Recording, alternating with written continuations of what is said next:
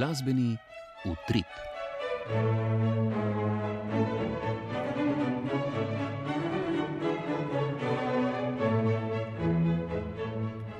Drage poslušalke, cenjeni poslušalci, lepo pozdravljeni.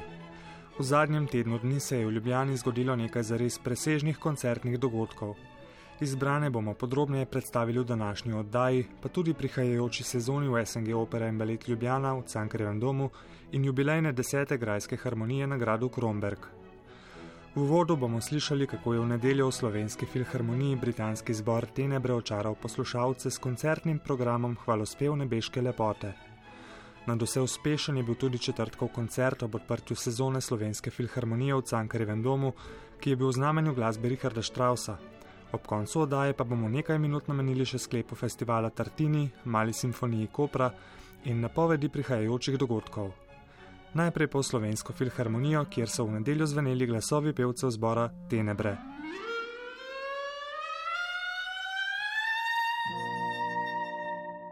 V fokusu. Vse od julija naprej lahko na Arsu sledite letošnji izjemni beri neposrednih prenosov koncertov z različnih slovenskih festivalov. Na zborovskem področju moramo vsekakor omeniti Dunajske dečke, zbor Slovenske filharmonije s Stevenom Laytonom in vse prenose slovenskih pevskih zborov z festivala Europa Cantat.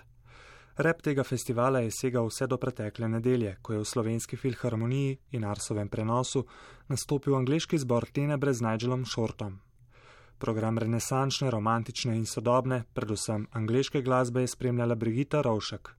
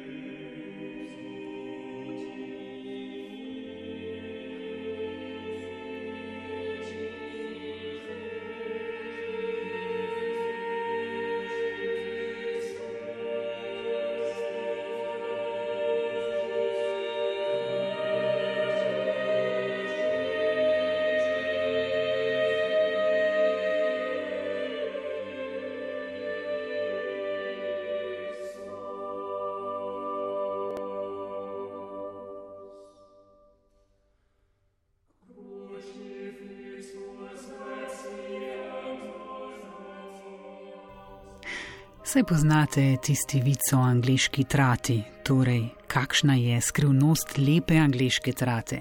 Nobene skrivnosti, samo 600 let tradicije.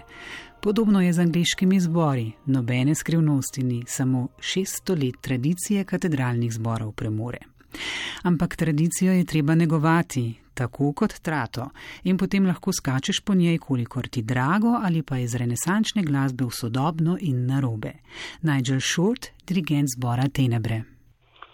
Like I say, we've sung this, we've sung all this music uh, from the age of seven, eight, nine years old.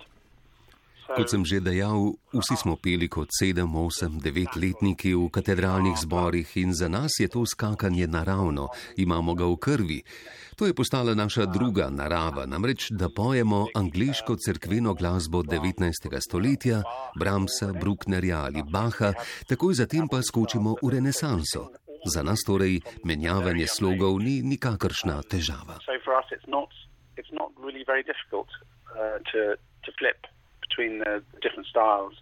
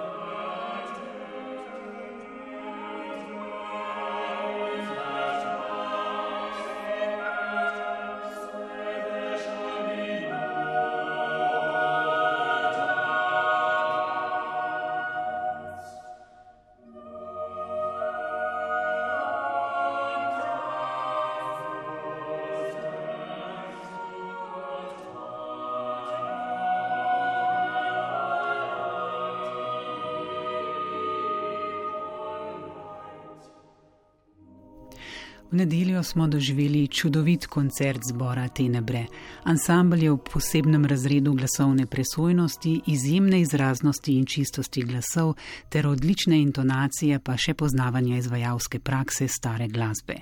Nigel Short ni kakšen eleganten zborovodja, je pa učinkovit in glasovi zbora niso polikani v vodoravni gladini, a zato imajo vedno dober vzrok.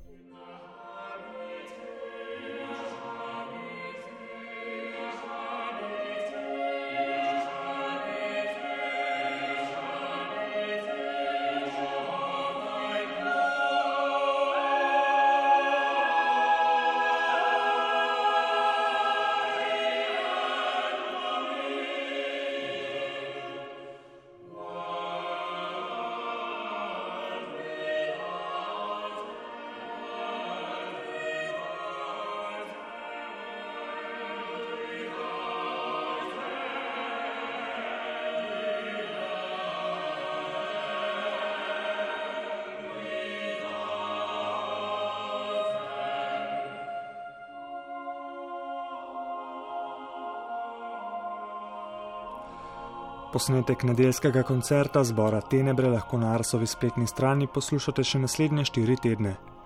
Že nekaj dni prej, v četrtek, pa se je v Galusovi dvorani Cankarevega doma s koncertom ob odprtju sezone uradno in simbolično začela nova sezona slovenske filharmonije. Spored je bil tokrat v celoti v znamenju glasbe Richarda Strausa. Zbor in orkester slovenske filharmonije je vodil Filip von Steinecker, koncert pa sem obiskal tudi sam, Mihael Kozjak.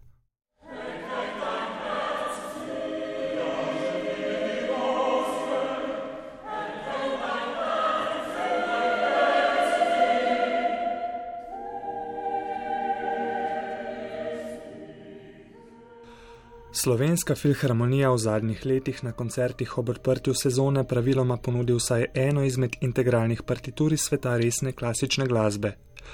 Lani je zvenela Bahova Maša v Hamolu, predlani Sensansova simfonija z orglami, leta 2018 pa kar dve, Štrausova simfonična pesnitev, tako je govoril Zaratustra, in Berliozova fantastična simfonija. Ena od srednjih glasbenih institucij na slovenskem se je letos unovič obrnila k skladateljski briljanci Richarda Strausa, ki mu je bil tokrat posvečen kar celoten program. Zbor slovenske filharmonije nas je navdušil že pred slabima dvema tednoma, ko je v ljubljanski stolnici pod vodstvom Stevena Leitona izvedel koncertni program Večna harmonija, sestavljen iz Brucknereve in Palestrinove glasbe, Tokrat je v prvem delu koncerta pod Štajnekerjevim vodstvom zvočil dva speva v opus 34 Richarda Strausa, zahtevna 16-glasna zbora, ki od izvajalcev zahtevata veliko občutka za prefinjeno plastenje in polifono prepletanje glasov. Zboru je to po večini dobro uspevalo, pripričal je z gibkostjo, dolgimi gradacijami in vrhunci, še najbolj pa s polno zvanečimi pianissimi v večeru, drugem od obeh izvedenih speval. Nekoliko manj prepričljiv je bil v izvedbi prvega, himne, v kateri je dirigent glede na značilnosti partiture zbor prerasporedil po odru in tako želel doseči učinek dvozborja. Zbor je imel predvsem na začetku nekaj intonančnih zadreg in neprepričljivih vstopov, ki pa jih je s časoma vendarle zgladil. Filip von Steinecker, ki je tokrat dirigiral zboru slovenske filharmonije, pripravila ga je sicer Jerica Bukovec, prvenstveno sicer ni zborovski dirigent, vendarle pa ga je zanesljivo vodil. V izvedbah obeh spevov mu je uspelo doseči priostrene kontraste med značajsko različnimi deli, vznesene vrhunce in, kot rečeno, naelektrene pianissime. A njegov največji dosežek večera je bila izvedba Alpske simfonije, zadnje simfonične pesnitve Richarda Strausa, ki je v prvi vrsti hvalnica narave in hkrati vsebuje tudi globje filozofske vzgibe.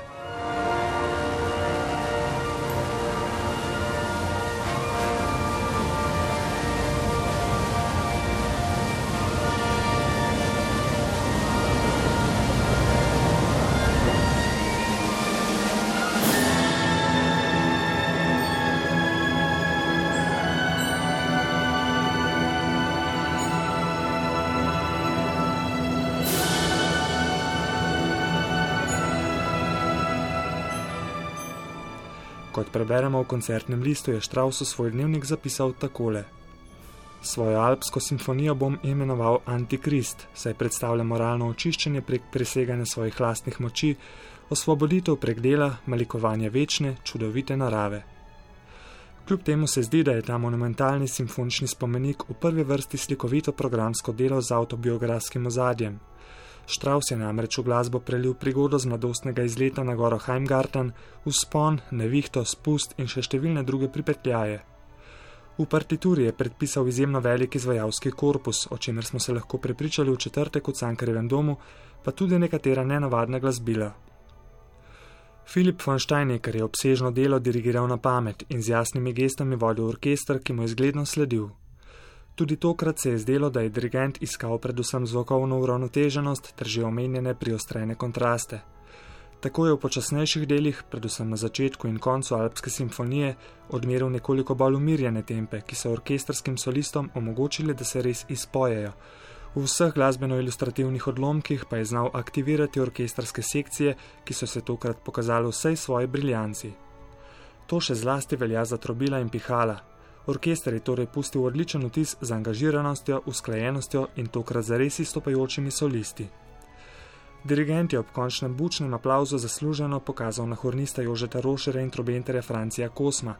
Mislim pa, da bi moral vsaj še na kakšnega pihalca. Če torej rečem, da je bil začetek sezone slovenske filharmonije nad vse spodbuden, sem najbrž še nekoliko preskromen.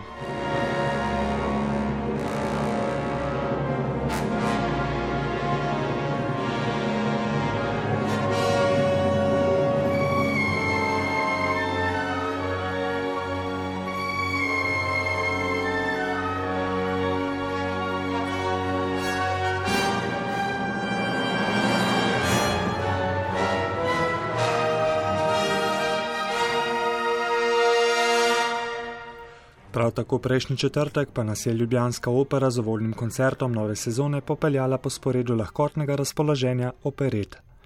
Na odru so se menjavali operni in baletni solisti, baletni plesalci in zbor. Pred orkestrom je stal Marko Hribernik, koncert pa je obiskal tudi Dejan Jurovič, ki je pripravil naslednji prispevek. Koncert poimenovan Naj živita opera in balet je prinesel sprehod po operetnem oziroma lahkotnem repertoarju skladateljev Štrausa, Leharja, Offenbacha, Smetane, Ipavca, Ajdiča in Brnstina. Peli so operni solisti Urška Arlič Gololičič, Martina Zadro, Nuška Drašček Rojko, Aljaš Farasin in Jože Vidic. Ideja vsekakor ni nova, je pa bila zanimiva zaradi baletnih uložkov oziroma nastopov baletnih plesalcev, ki so koncert povezovali s Štrausovimi valčki in polkami, koreografije zanj pa je ustvaril novi umetniški vodja baleta Renato Zanella. Prejšnji četrtek so pred Ljubljansko operno hišo razgrnili predstave, ki bodo oblikovale novo sezono 2021-2022, če bodo epidemične razmere to seveda dovoljevale. Vsega skupaj so načrtovali deset naslovov, šest opernih in štiri baletne. Te je v obliki kulinaričnega razvajanja in po navdihu slovitega Đorđa Balanšina predstavil že omenjeni Zanella. L'aperitivo abbiamo già assaggiato al Aperitiv smo že pokusili z Dunajskim večerom. Sledila bo predjed, to je baletno-operni večer z baletom Apollon Muzažet in opero Kralj Dip. Gre za otvoriteno predstavo sezone, ki jo bo režiral rok. Zelo sva se zabavala pri ustvarjanju tega mediteranskega krožnika, če se lahko tako izrazim. Prva oziroma začetna jed bo baletni triptih, ki smo ga poimenovali strune, na koreografije Ena Pečija, Jakoba Godanija in Lea Mujiča. Večer bo posvečen orkestru in trem skladbam, ki so po naravi zelo različne. Bergov koncert za violino je muzikalno lep in nekoliko intimen, Bartokov kvartet številka štiri je bolj agresiven, serenada za godala Čajkovskega pa je nežna. Druga oziroma glavna jed pa je rezervirana za novo postavitev Romea in Julije Sergeja Prokofjeva na mojo koreografijo. Zgodba je dramatična, zato jo bo mogoče malo teže prebaviti. Nekoliko sem jo predrugačil in posvetil Veroni danes, mojemu mestu, ki mi je poleg zgodbe zelo blizu.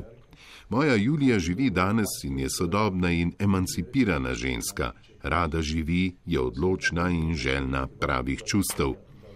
Desert oziroma sledica pa bo vizija sodobnih plesnih korakov.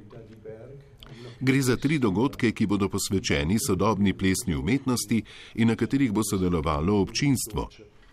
Na prvem bo sodeloval hišni ansambl s plesalci in koreografi, na drugem bomo predstavili ustvarjalnost plesalcev in koreografov iz sosednjih držav, kot so Italija, Avstrija, Mačarska in Hrvaška. Mislim, da je med Slovenijo in temi državami prisotna tudi zelo močna izmenjava kulturnih idej.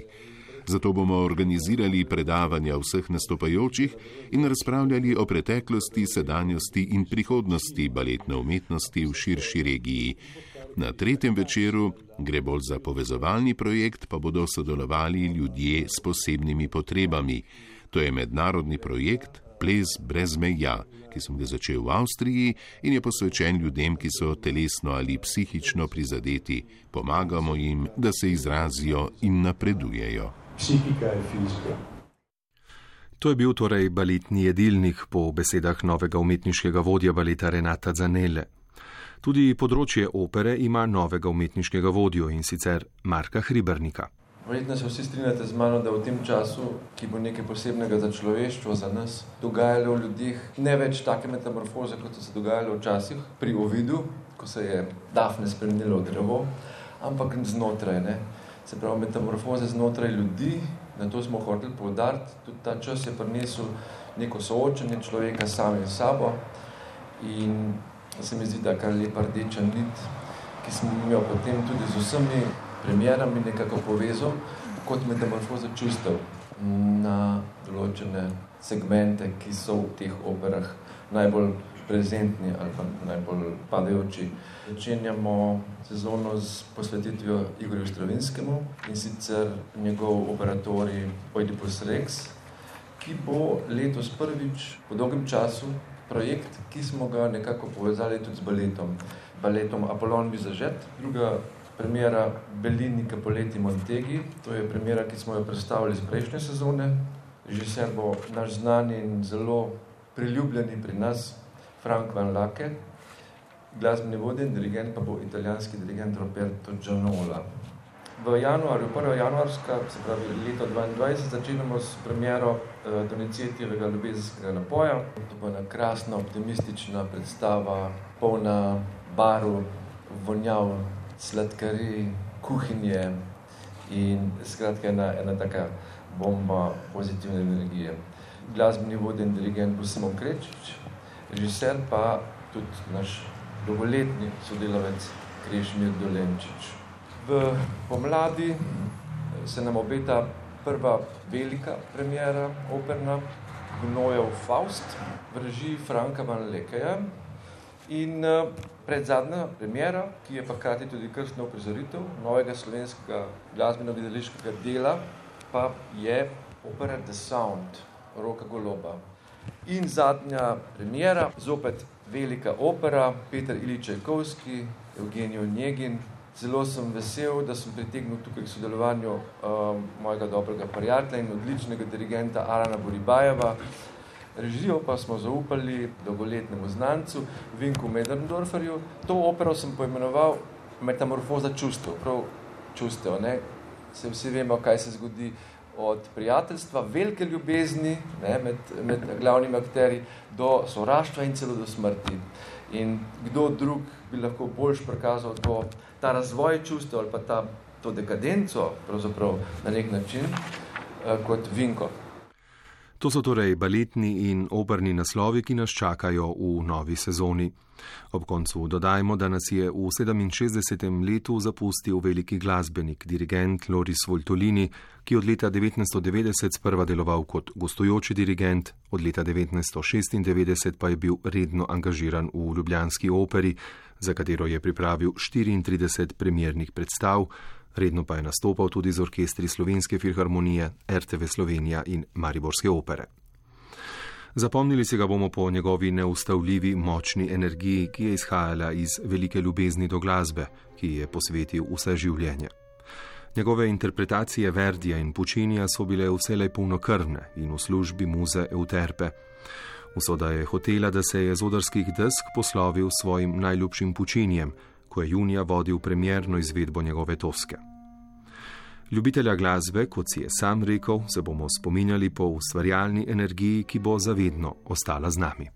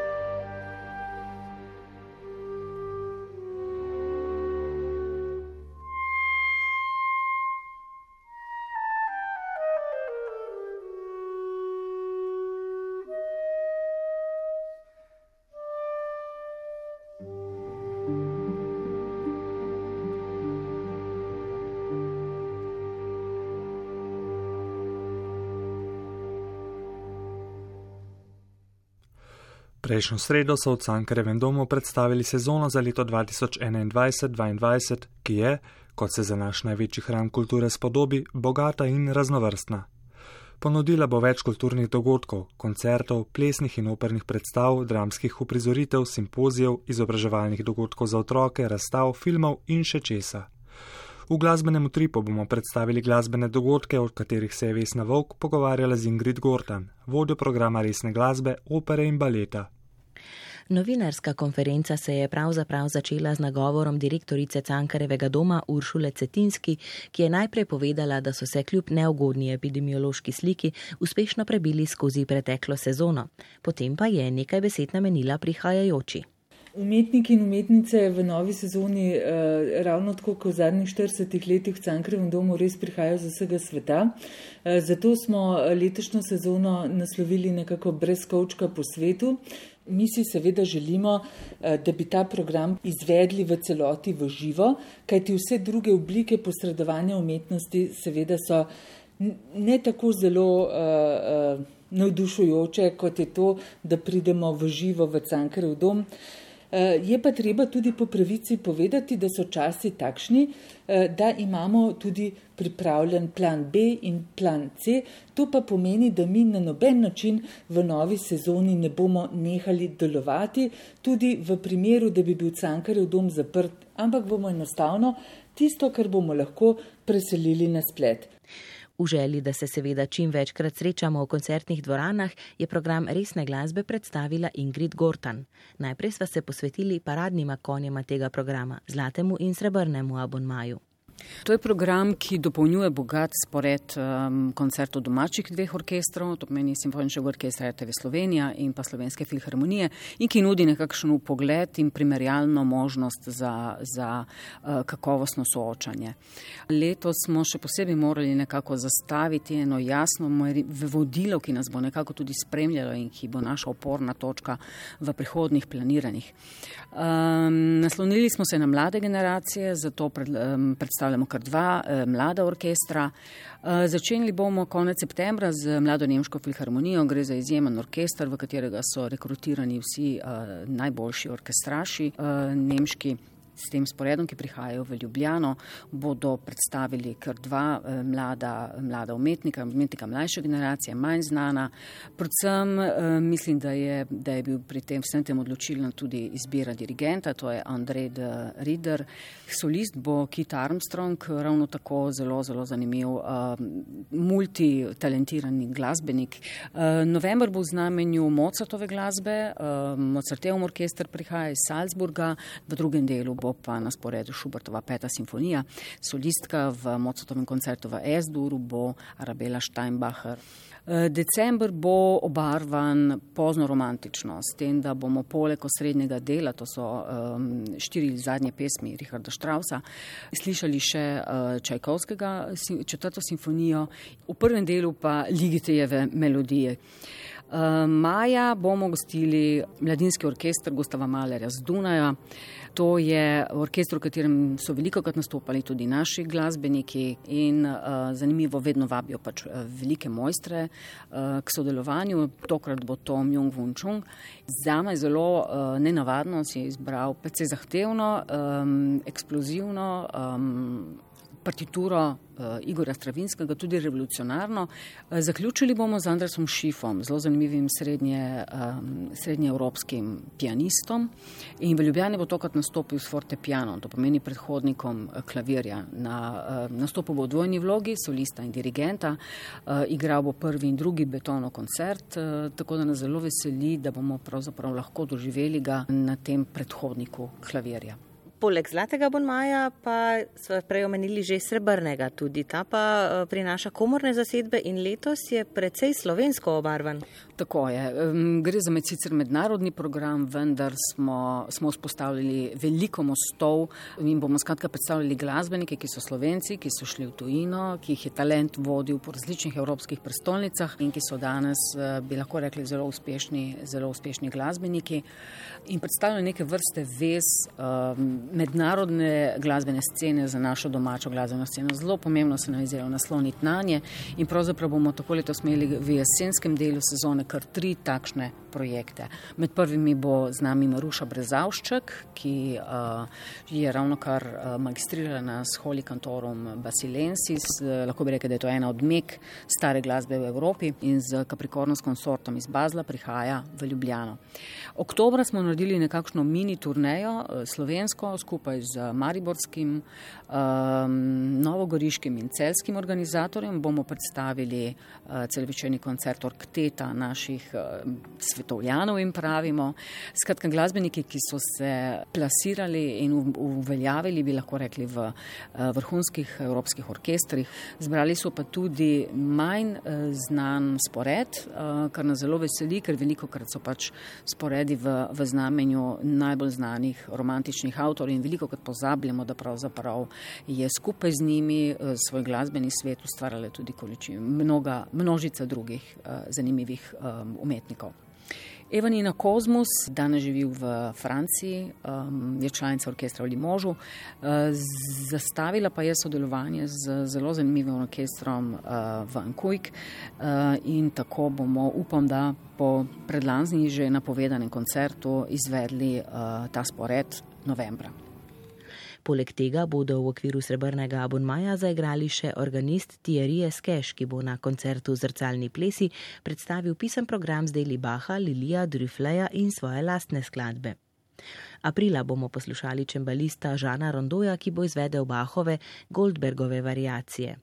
Maja pa bo cikl sklenil violinist Danžu in s pianistom Mišelom Dalberjem izvedel dela Mozarta, Strausa, Koren Golda in Desarasateja. To sta torej zlati in srebrni abonma, vendar pa ni to vse, kar bo Cankarev dom letos ponudil poslušanje. Čaka nas recimo še prav poseben koncert orkestra, ki le redko gostuje, berlinskih filharmonikov. Tako je, obeta se nam februarja. Gre za, po mnenju mnogih, najboljši svetovni orkester, orkester izjemne tradicije, orkester, ki mu pravijo orkester solistov. Gre za en izjemno agilen orkester, ki, um, ki je utemeljen v svoji tradiciji, zaveda se te svoje nemške, nemškega poslanstva, prihaja s svojim šefom, dirigentom uh, in, in zastavuje tudi programsko uh, vse skupaj med novim in med starim.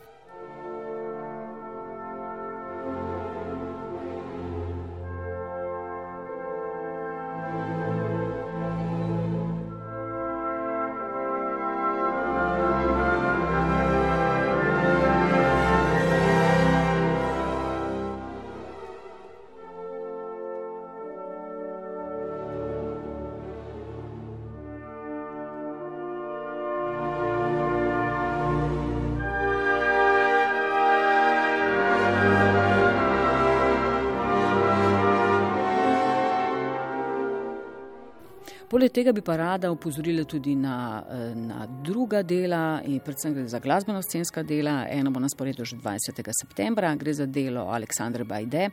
Uvostili smo v spored njeno delo Autoportreti v namišljenih prostorih, ki je lani dobilo nagrado mesta v Dunaju oziroma fundacije Theodor Körner. Eh, naj omenim še premiero, ki jo pripravljamo v sodelovanju s slovenskim komunoglasbenim gledališčem. Eh, konec oktobra se bo zgodila, avtor je Tomaš Svete, napisal bo novo opero Hiša usmiljenja na literarno predlogo Ivana Cankarja Hiša Marije Pomočnice. Poleg tega naj omenimo še, da bodo letos v Cankarjevem domu prizorili tudi opero za otroke, ki jo pripravljajo v koprodukciji z glasbeno matico in sicer opero Giancarla Menotija z naslovom Deček, ki je prehitro rastel. Poleg resne glasbe v Cankarevem domu na svoj račun lahko pridejo tudi ljubitelji drugih glasbenih žanrov. Te predstave je predvsem v abonma glasbe sveta povezal Bogdan Benigar, vodja programa Jazz in glasb sveta. Večina vseh koncertov, ki se niso zgodili v preteklem letu, se bodo zgodili v naslednji sezoni. Gre za najboljše, najpomembnejše glasbenike iz različnih predelov sveta ki bodo prišli v Ljubljano v naslednjih mesecih. Pevka Lina iz Portugalske s španskim producentom in kitaristom Raulom Refrejem. Eden od vrhuncev bo gotovo Umu Sangare, poznana kot vodilna afriška diva, ki bo nastopila 4. novembra. In potem naprej v naslednje leto, ko pride tudi orkestra Akokan z Kube in Adriana Calcanjoto iz Brazilije, torej res zelo, zelo pester program. Seveda nismo pozabili na slovenske izvajalce, že v začetku oktobra bo to mala mestna muzika, odličen projekt Rudija Pančurja in še posebej skupina Širom v tem trenutku najpomembnejša slovenska skupina na področju etna in glas sveta. V abonmaju glasbe sveta bodo predstavili svoj najnovejši album in to se bo zgodilo marca. Ne smemo pozabiti tudi na odlične jazz dogodke. Že februarja prihaja skladateljica in aranžerka za velike orkestre, torej Marija Schneider prihaja z velikim orkestrom iz Združenih držav Amerike. Zelo smo pa tudi veseli, da bo v Ljubljano končno spet prišel Gregory Porter, ki smo ga predstavljali že veliko krat. Tudi letos nas v Cankarevem domu torej čaka bogata sezona. Njeno izvedbo pa boste obokatili dve investiciji, ki jo je omogočilo Ministrstvo za kulturo. Uršula Cetinski. Eh, prva so prenove garderob ob Galusovi dvorani. Gre za 36 garderob, ki nikoli niso bile prenovljene. Te garderobe seveda eh, obiskovalcem nič ne pomenijo, eh, zelo veliko pa pomenijo nastopajočim v Cankarevem domu.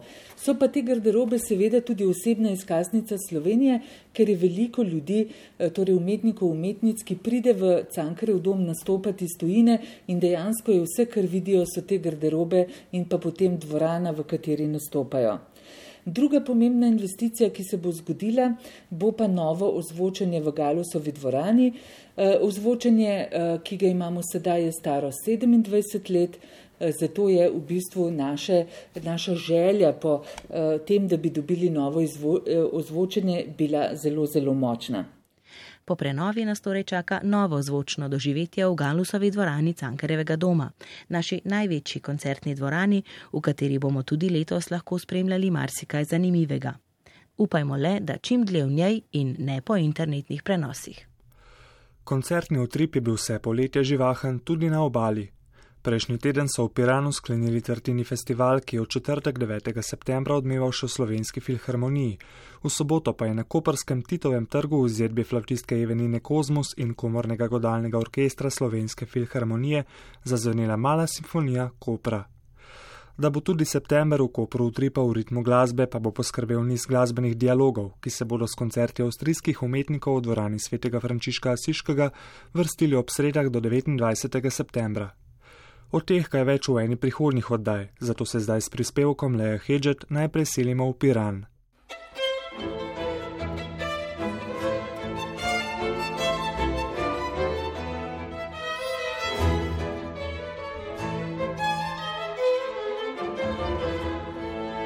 Z izvrstnim koncertom Nemške komorne akademije iz Nojsa in bolgarskega violinista Svetlina Ruseva so v četrtek v Ljubljani slovesno sklenili jubilejni 20. Tartini festival.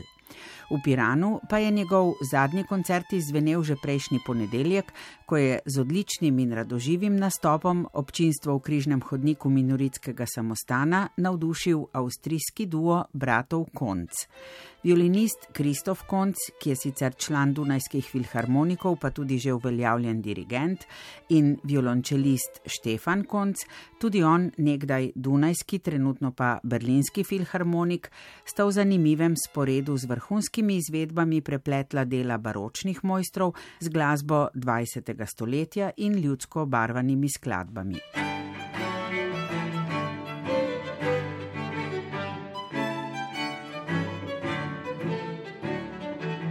Tartini je tokrat zvenel nekoliko drugače, v modernejši pa tudi zelo poosebljeni izvedbi.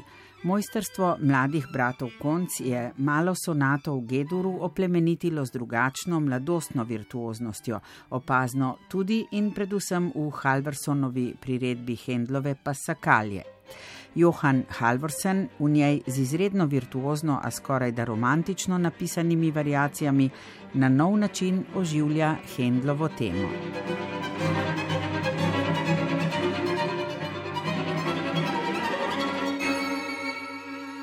Baročni skladbi je v sporedu koncerta Dua Konc uvedla Ravelova sonata, posvečena spominu na Debisija ob smrti tega glasnika impresionizma v glasbi. Izjemno tehtna, intenzivna partitura, polna lepote, vsebuje reminiscence na Debisijevo delo, pa tudi delčke scensko ali celo jazzovsko obarvane glasbe.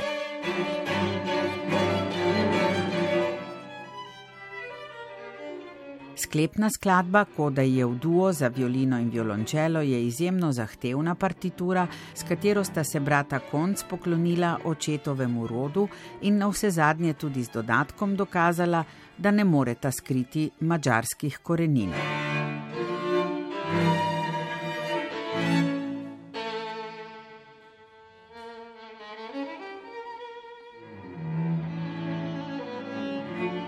Štefan in Kristof Konc sta bila tokrat prvič v Tartinjevem rojstnem mestu, ki jo je zelo prevzelo. Navdušena sta bila nad toplim občinstvom in nad samostanom, v katerem sta igrala, saj menita, da je izvrsten ambient za glasbo. Zato upata, da boste lahko še prišla koncertirati v Piran. Umetniška vodja Tartini festivala Jasna Nadles pa je izrazila zadovoljstvo nad izpeljanim jubilejnim festivalom in nad odzivom občinstva. In kaj je najbolj zaznamovalo letošnji festival? Zaznamovalo ga je obilo fantastičnih glasbenikov. Začeli smo s solisti Veneti, imeli smo veliko italijanskih ansamblov, veliko violinskih virtuozov in današnji koncert je bil sigurno velik presežek in vrhunski koncert, tako da smo zadovoljni, da smo sklenili to 20-letno pot s tako izjemnim koncertom in tako izjemnima glasbenikoma.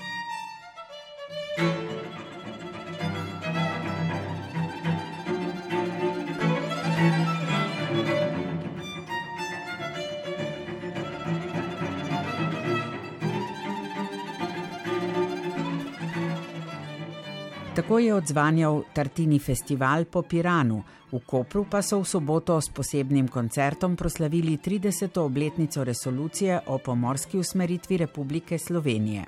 Zato so ga v sodelovanju z Ministrstvom za infrastrukturo ter uprave za pomorstvo skupaj priredili Društvo prijateljev glasbe, mestna občina Koper in Luka Koper. Gre za malo simfonijo Kopra, ki je napolnila Titov trg z zvoki godalnega komornega orkestra Slovenske filharmonije in flaute mlade umetnice Eve Nine Kozmus.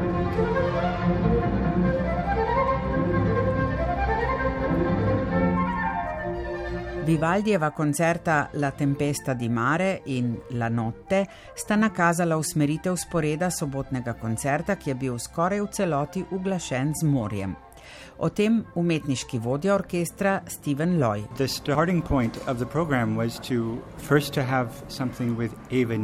Za začetek smo iskali skladbe, ki bi jih lahko igrali z Evo Nino kot solistko, potem še vsebinske povezave z morjem. Preostali del programa pa smo gradili okrog tega.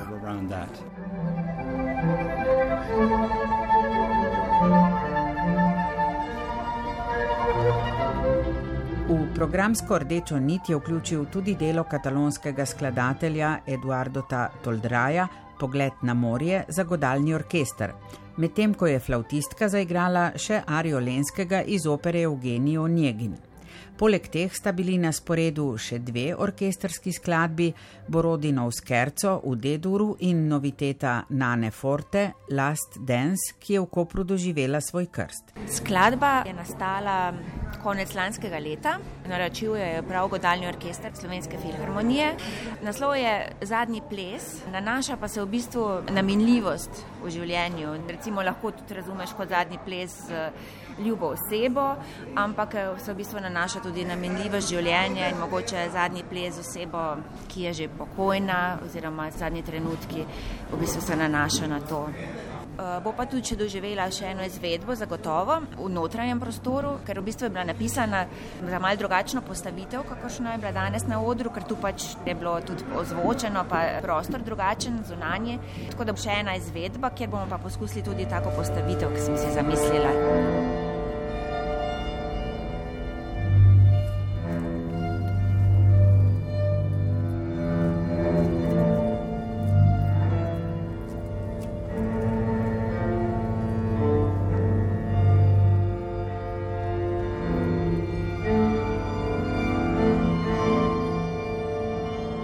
Vsaj ena sodobna skladba v sporedu je bila želja organizatorja Društva prijateljev glasbe, ki mu je Mala simfonija Kopra služila tudi kot uvertura v Bienale sodobne glasbe. Z orkestrom pa se je organizator simbolično povezal še v sklepni skladbi, v kateri so se komornemu godalnemu orkestru Slovenske filharmonije pridružili člani rezidenčnega ansambla Društva prijateljev glasbe, ki ga v Kopru vodi Žiga Cerar. Tako je koncert izvenel v duhu povezovanja in odprtosti, in čeprav so ga ob proslavljanju obletnice pomembne resolucije zaznamovali politični govori, je vendarle na njem imela glavno besedo glasba. Poseben čar mu je dal ambient enega najlepših trgov v Sloveniji, ki je številnim občinstvom navdušil tudi solistko Evo Nino Kozmus. Čaroben ambient, moram reči, res zelo topla publika, vzdušje, zelo, zelo vesela, da sem tu.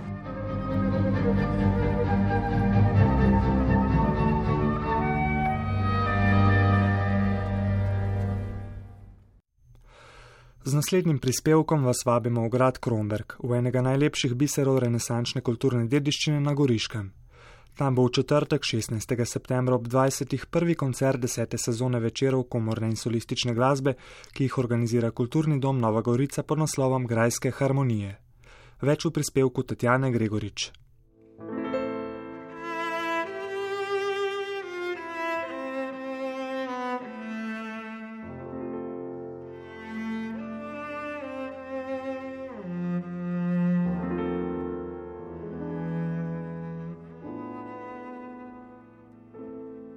Glasba Sergeja Rahmaninova bo zaznamovala uvodni koncert letošnjih grajskih harmonij na gradu Kromberg, a preden vam predstavimo program cikla, vendar nekaj besed tudi o lanski 40. z epidemijo zaznamovani sezoni Novogoriškega kulturnega doma in vstopu v novo sezono, za katero si seveda vsi želimo, da bi jo lahko izpeljali nemoteno.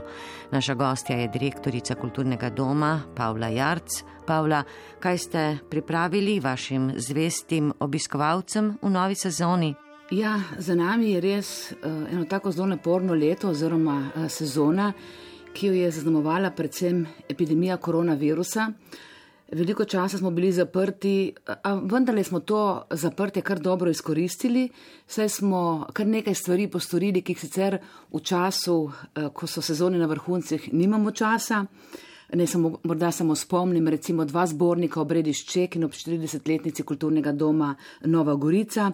Poleg tega smo digitalizirali tudi naš bogat 40-letni fotografski arhiv in sedaj vstopamo eh, v novo 41. koncertno sezono ki nam jo bo žal še vedno krojil eh, koronavirus, a mi smo kljub vsemu pripravili eh, bogat program, kajti smo optimisti in upamo, da ga bomo lahko nemoteno in varno izvedli. 41. koncertno sezono bomo odprli s posebno zasedbo No Borders Orchestra, ki združuje odlične glasbenike z področja nekdanje Jugoslavije. Gre za ansambl solistov, ki pod umetniškim vodstvom Premila Petroviča od nastanka briše geografske meje na koncertih po Evropi, briše pa tudi meje med glasbenimi žanri za No Border Orchestra uh, te ne obstajajo, zato nam obljubljajo pravo glasbeno eksplozijo, kakršno povzroči trg dveh nevides nezdružljivih glasbenih svetov, klasične in elektronske plesne glasbe. To bo koncert 26. septembra in je to v bistvu dodaten koncert uh, letos, kaj ti sicer pripravljate osem koncertov, tokrat devet. Tako to je dodaten koncert kot darilo našim eh, abonentom za zvestobo in zahvalo za podporo v teh zelo zahtevnih časih.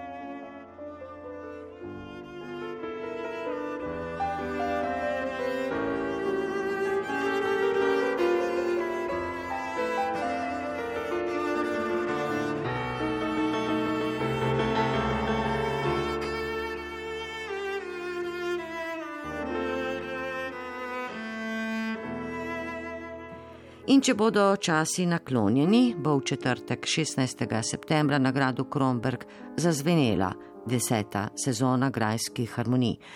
Sezona, ki so jo v kulturnem domu Nova Gorica napovedali želani, a je niso uspeli izvesti.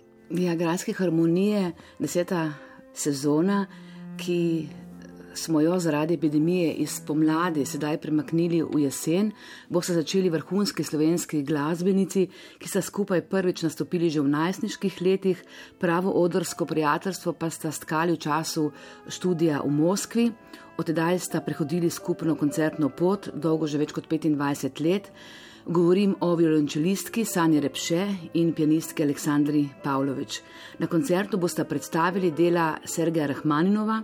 Najprej bo zazvenela njegova kolosalna tehnično neizprostna sonata simfoničnih razsežnosti v Gemolu, v drugem delu pa nekaj njegovih najodličnejših samospevov, ki jih je Sanja Repše priredila za violončelo in klavir.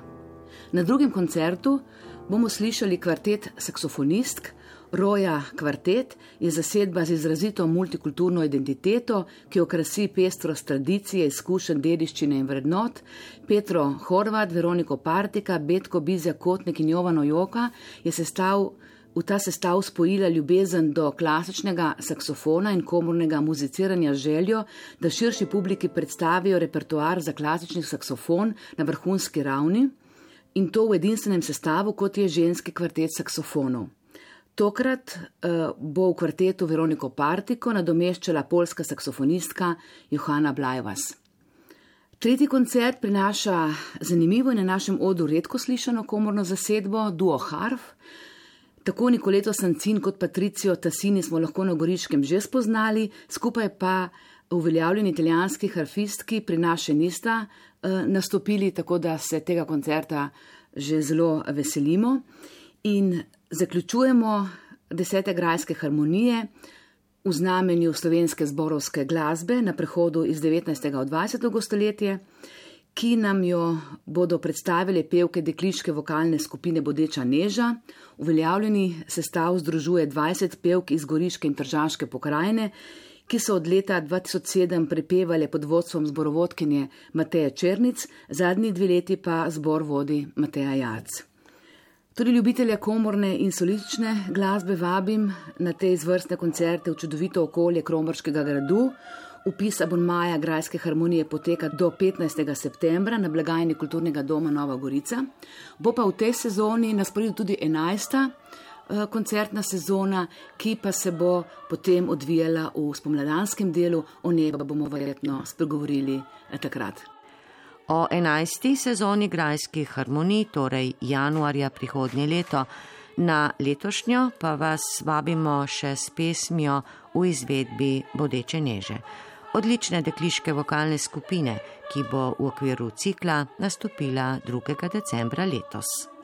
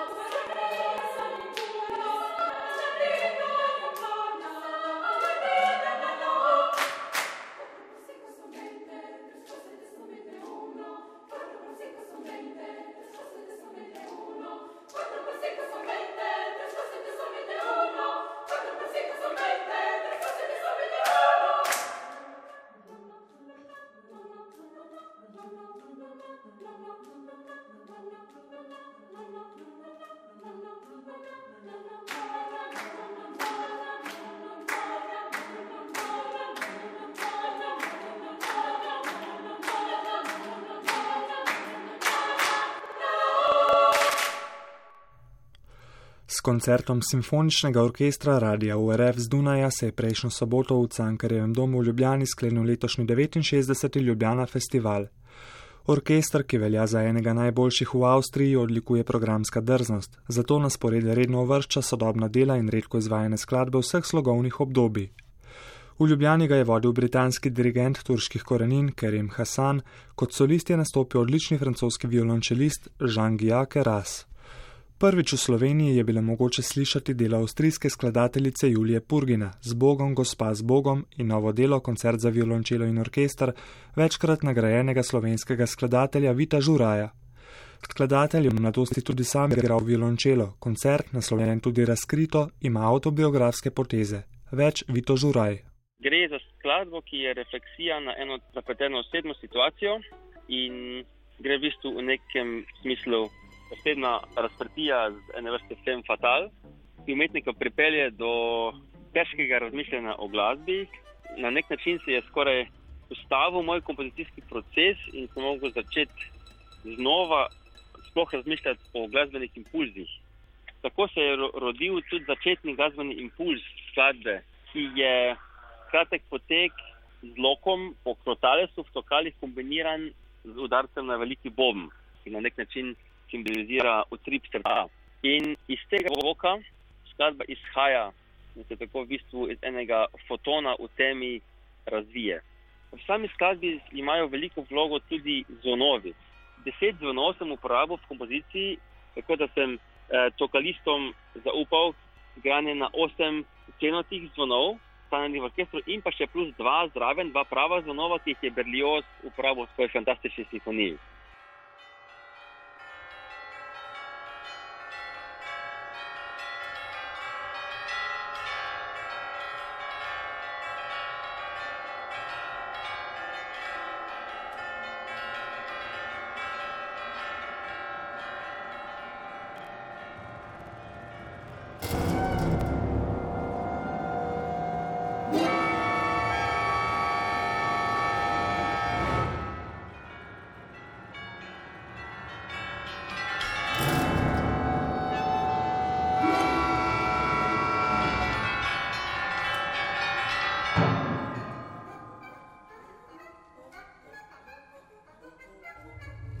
Sicer pa je festival Ljubljana, kot je povedal njegov direktor in umetniški vodja Darko Brlek, letos naštel trikrat več obiskovalcev kot lani. Stav je približno 4 milijone evrov, v dobrih dveh mesecih pa se je zvrstilo kar 91 dogodkov. Kljub zdravstvenim razmeram v svetu, organizatorji z velikimi načrti zrejo prihodnost. Prihodnje leto bo namreč festival Ljubljana praznoval 70 let.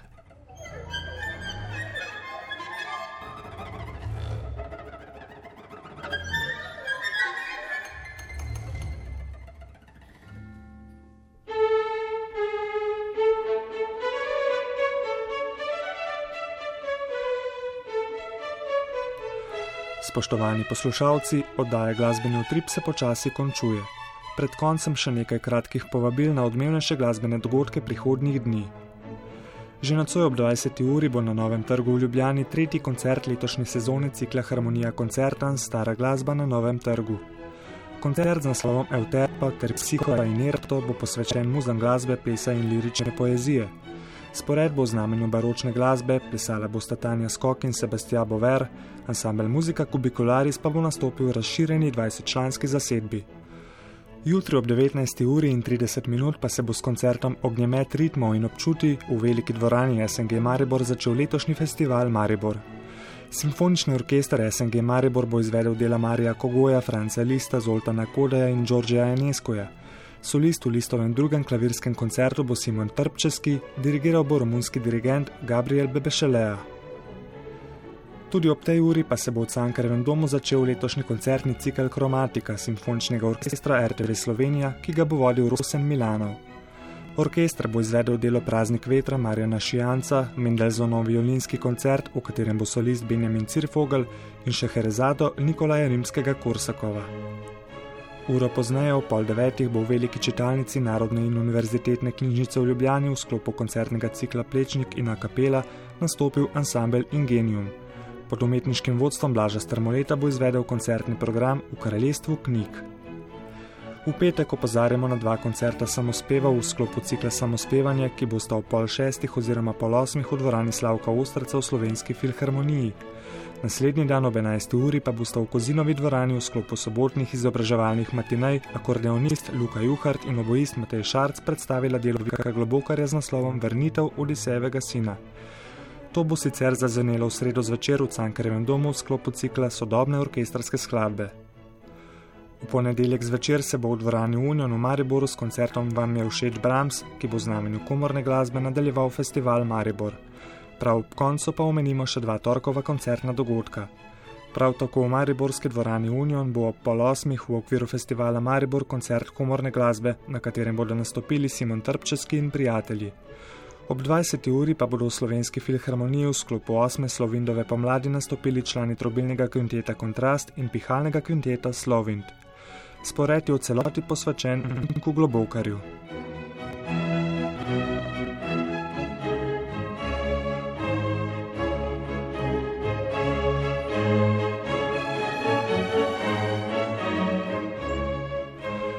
Tako, drage dame, cenjeni gospodje, oddaja glasbeni utrip je končana.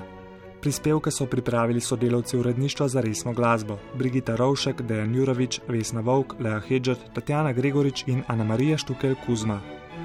Oddajo je posnel tonski mojster Vojko Kokot, vodil in uredil pa sem jo Mihajl Kozjek.